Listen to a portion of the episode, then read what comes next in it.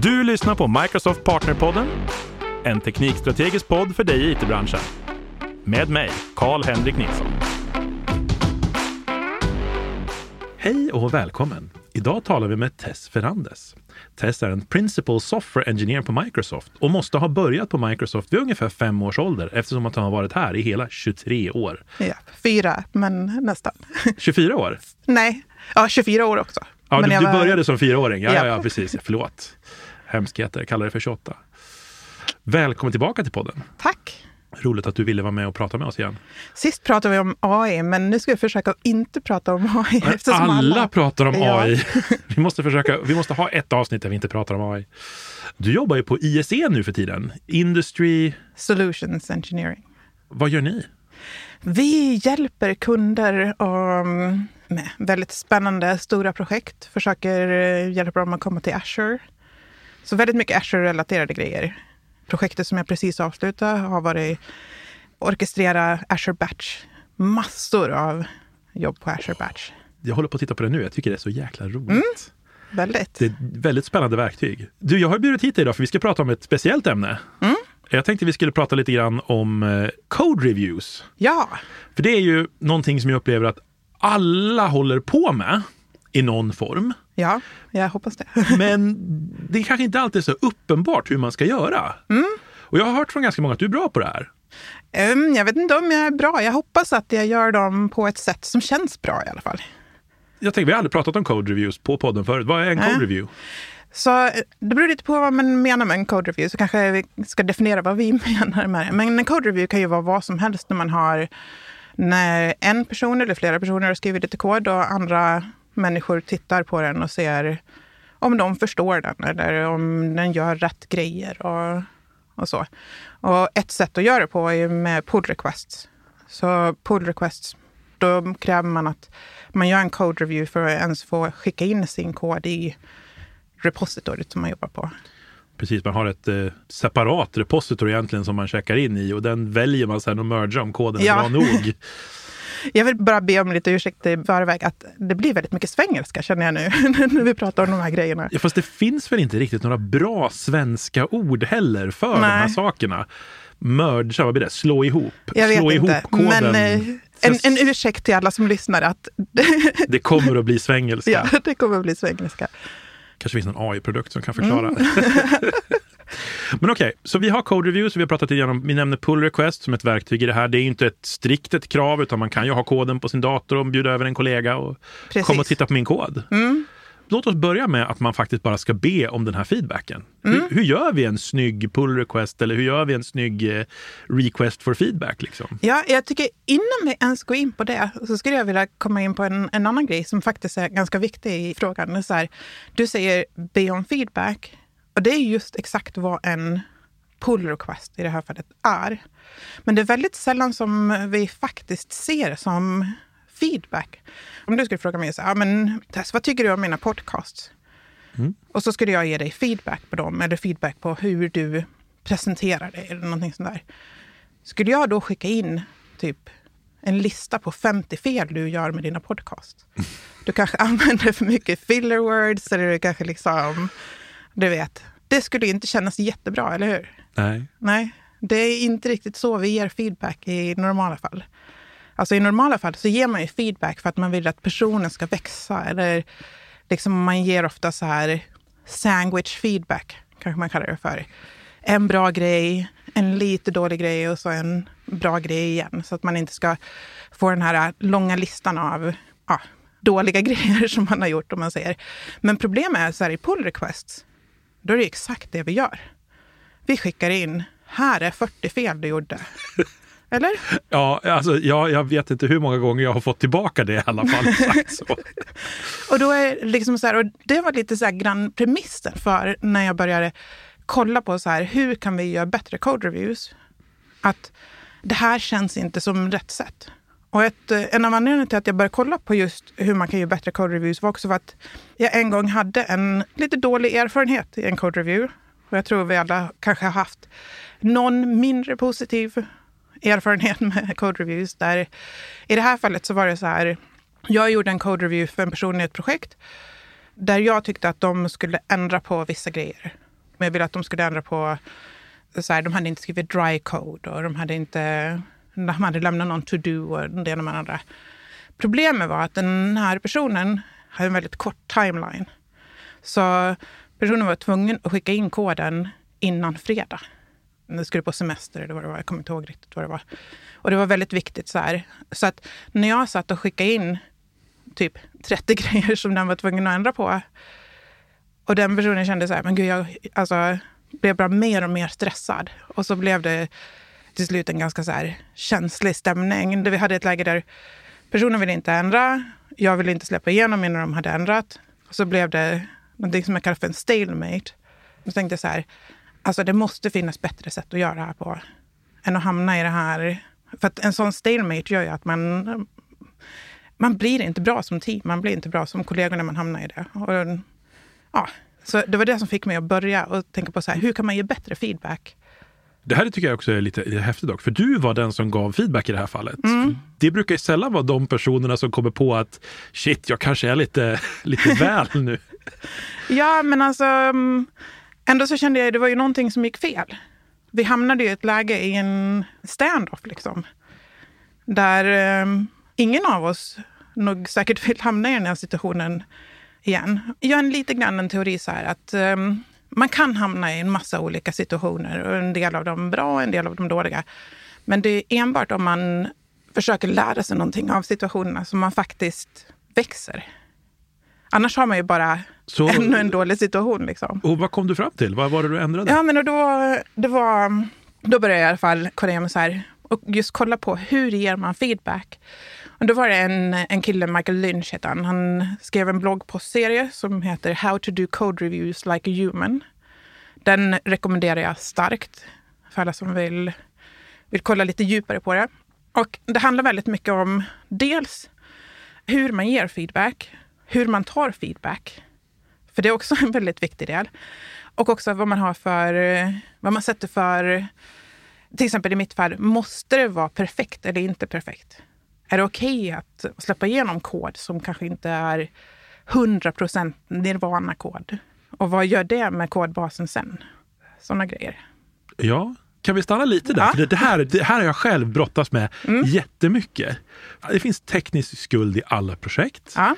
Och när någon checkar in, någon gör en pull request eller någon gör en commit, jag reviewar koden och så bara okej, okay, men det här och det här. Och, jag känner liksom att det måste finnas ett good enough.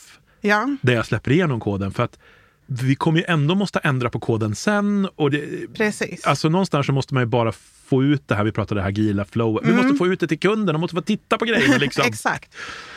Alltså, ja, och då mm, så jag kör en föreläsning nu med så här, tio vägar till det perfekta, den perfekta code review. Och en av dem är att vara kanske lite mindre gatekeeper. Alltså mm, kanske inte kräva nirvana hela tiden. Och då kan man ju tänka så här, men vad händer då? Säg att man tänker sig att det finns liksom olika levels av kod. Där längst ner har vi kod som inte funkar. Den kan vi inte släppa igenom. Strax ovanför det har vi kod som troligen funkar, men den är så oläslig så att vi vet inte riktigt om den funkar eller inte. Ovanför det har vi kod som funkar, men vi har inte tillräckligt mycket tester. Vi har, du vet, man skulle kunna skriva lite annorlunda, kanske använda ett annat pattern eller så. Och så sen ovanför det kanske, ja men okej, jag skulle vilja tweaka några grejer här.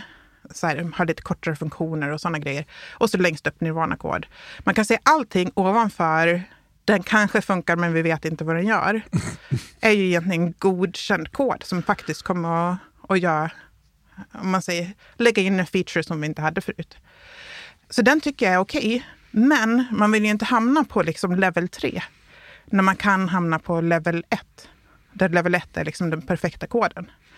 Så då är frågan så här, om man släpper igenom level 3, får vi level 3-kod totalt då? Och min teori är lite grann att man inte får det. Eller min, min praktiska liksom, känns det också att man inte får det. Utan du hjälper någon, till exempel från level 3 till level 2,5. Mm. Och nästa gång så kommer de med level 2,5-kod. Och du kan hjälpa dem till level 2. Eller, och så vidare och så vidare. Och du kan släppa igenom någonting för att få det igenom. Men sen till exempel ha en pair programming session efter. Där ni kanske gör det bättre. Men då har liksom tidskravet släppt. Jag förstår. Jag pratade lite med Magnus Juvas på. Solidify om just det här med att hålla utvecklare glada och trivas. Mm. Och det här kanske är lite som du säger, att genom att det inte är helt omöjligt att få igenom koden och du får så här lite hjälpsam feedback och lite uppmuntran så kommer du bli kvar längre i projektet och kanske, då Mm. Kanske. också liksom växa med uppgiften. Ja, jag tror det. För det här är ju speciellt. Det är lite olika om man jobbar i ett OSS-projekt eller om man jobbar i ett team där du känner att investeringen jag gör här... Alltså I ett OSS-projekt så skulle jag säga att det är högre krav på vad du ska släppa igenom. För du kommer inte att jobba med den personen sen. Medan i ett teamprojekt, då handlar det om liksom så här, om jag släpper igenom lite så här level 2-kod istället för att bara kräva level 1-kod, så kan vi jobba tillsammans mot level 1-kod sen. Så det är mer, investerar du i personen, då kanske du kan släppa igenom. Jag, jag, blir, mer. jag känner ju så här, jag blir alldeles för glad när någon committar till något av mina små projekt. Så jag bara, åh, de har skrivit kod till mig! Men ja, jo, det är sant. det kanske också beror på liksom vilken level. Men Du känner liksom att eh, det finns open source-projekt med många commits som kanske har lite hårdare krav än vad jag ja. har.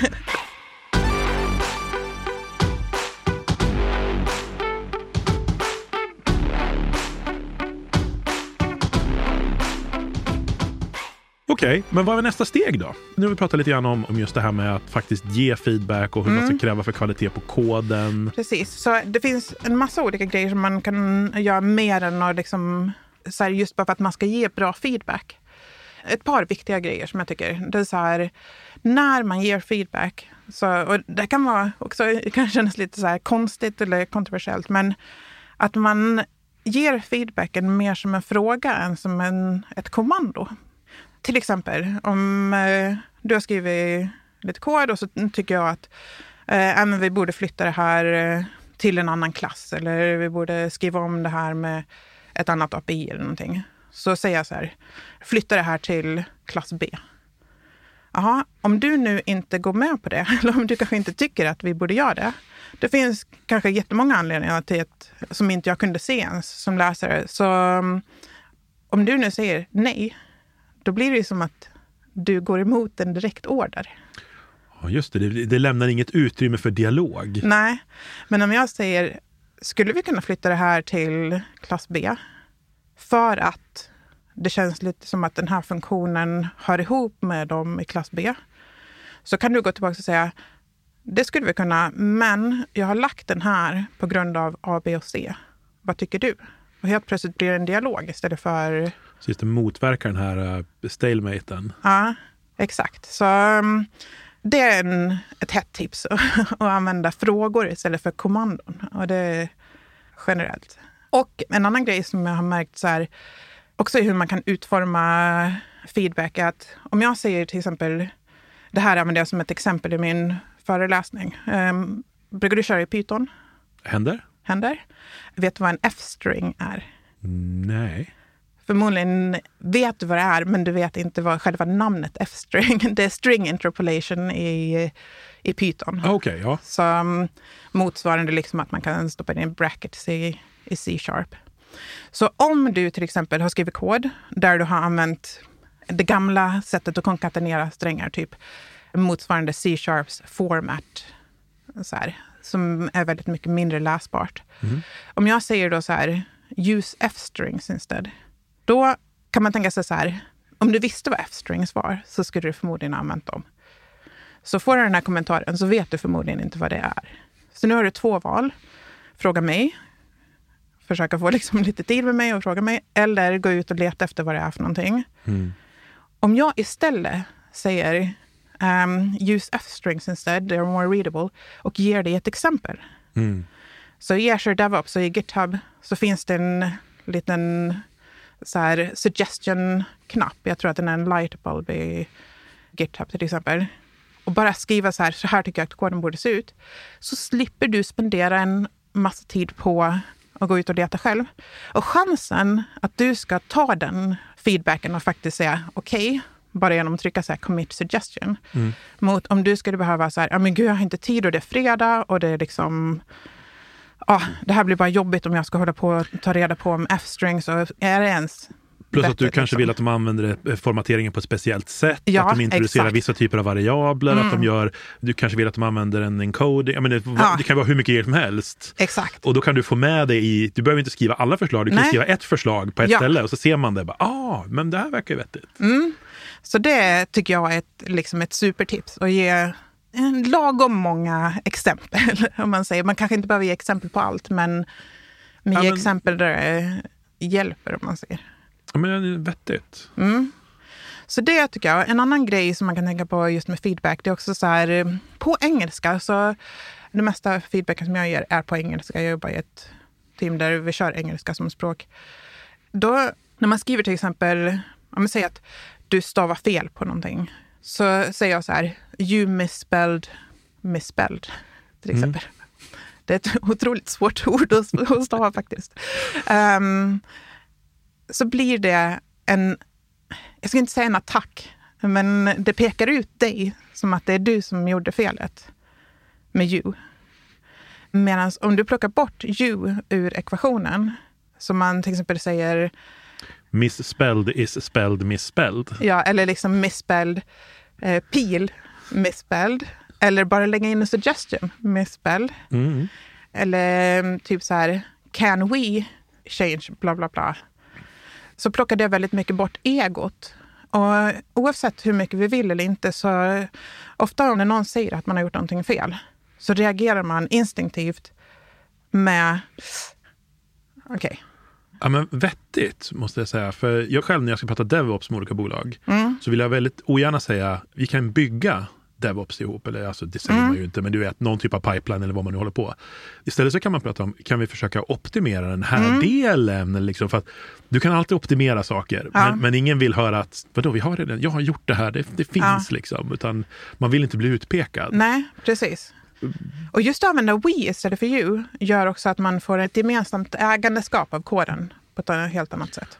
Jag jobbade i ett brittiskt slash amerikanskt team för många år sedan. Mm. Och jag kommer specifikt ihåg att vi höll på med färgsättning någon variabel som hette color. Okej. Det, var nog den, det är nog den längsta pull request-dialogen jag har sett. Uh, color is misspelled. No it isn't. Ja, eller hur? Men ja, bara en sån grej liksom. Det är en liten intressant grej också när man hamnar i ett sånt där läge där man har um, saker som man argumenterar varje gång som en, en code review. Till exempel tabs versus spaces. Det är inte en diskussion man behöver ha med varenda ny utvecklare som eh, kommer in i projektet. Det är spaces, punkt. Nej. Jag håller med dig. Jag, är- I'm all with you. Men vissa saker, till exempel hur colors ska stavas i det här fallet, eller om vi ska använda tabs och spaces, eller överhuvudtaget strukturen på koden. Ha inte de argumenten i varje PR. Bestäm er för någonting och så använder man typ en style guide. Det kan man också använda för rättstavning och grejer också om man vill. För då slipper man ha de diskussionerna varje, varje gång. Och en annan grej med det, det är att man kan automatisera en herrans massa grejer, typ så här testning, bild, Style av, guides. Ja, style guides, kontroll av säkerhet, typ så här så att man inte stoppar in några secrets i koden och en massa sådana grejer. Så att man kan låta så här en code review handla om, gör den här det som den ska, löser den här det problemet som vi försöker lösa och löser den det på bästa sätt. Alltså det blir helt värdelöst om man bara har code review som säger, ja ah, du borde ha bracketen på nästa rad. Vi ska inte använda utvecklartid till liksom sådana grejer. Plus att man har en person som får lov att säga det, så tar det liksom ett helt dygn kanske för att få den feedbacken. Och absolut, jag kan känna det själv som när jag kodar. Jag uppskattar ju linters något så Mm. Ja, otroligt. Exakt, exakt. Alltså bara, kör det här kommandot. Om det inte säger någonting så är din kod förmodligen upp till, till våran kodstandard. Bara, åh, det är så Mm. Ja, men kärlek. exakt. För att grejen är också att så här, med en linter, om lintern säger ja, det här är faktiskt någonting som irriterar mig. Du borde ha um, system usings längst upp.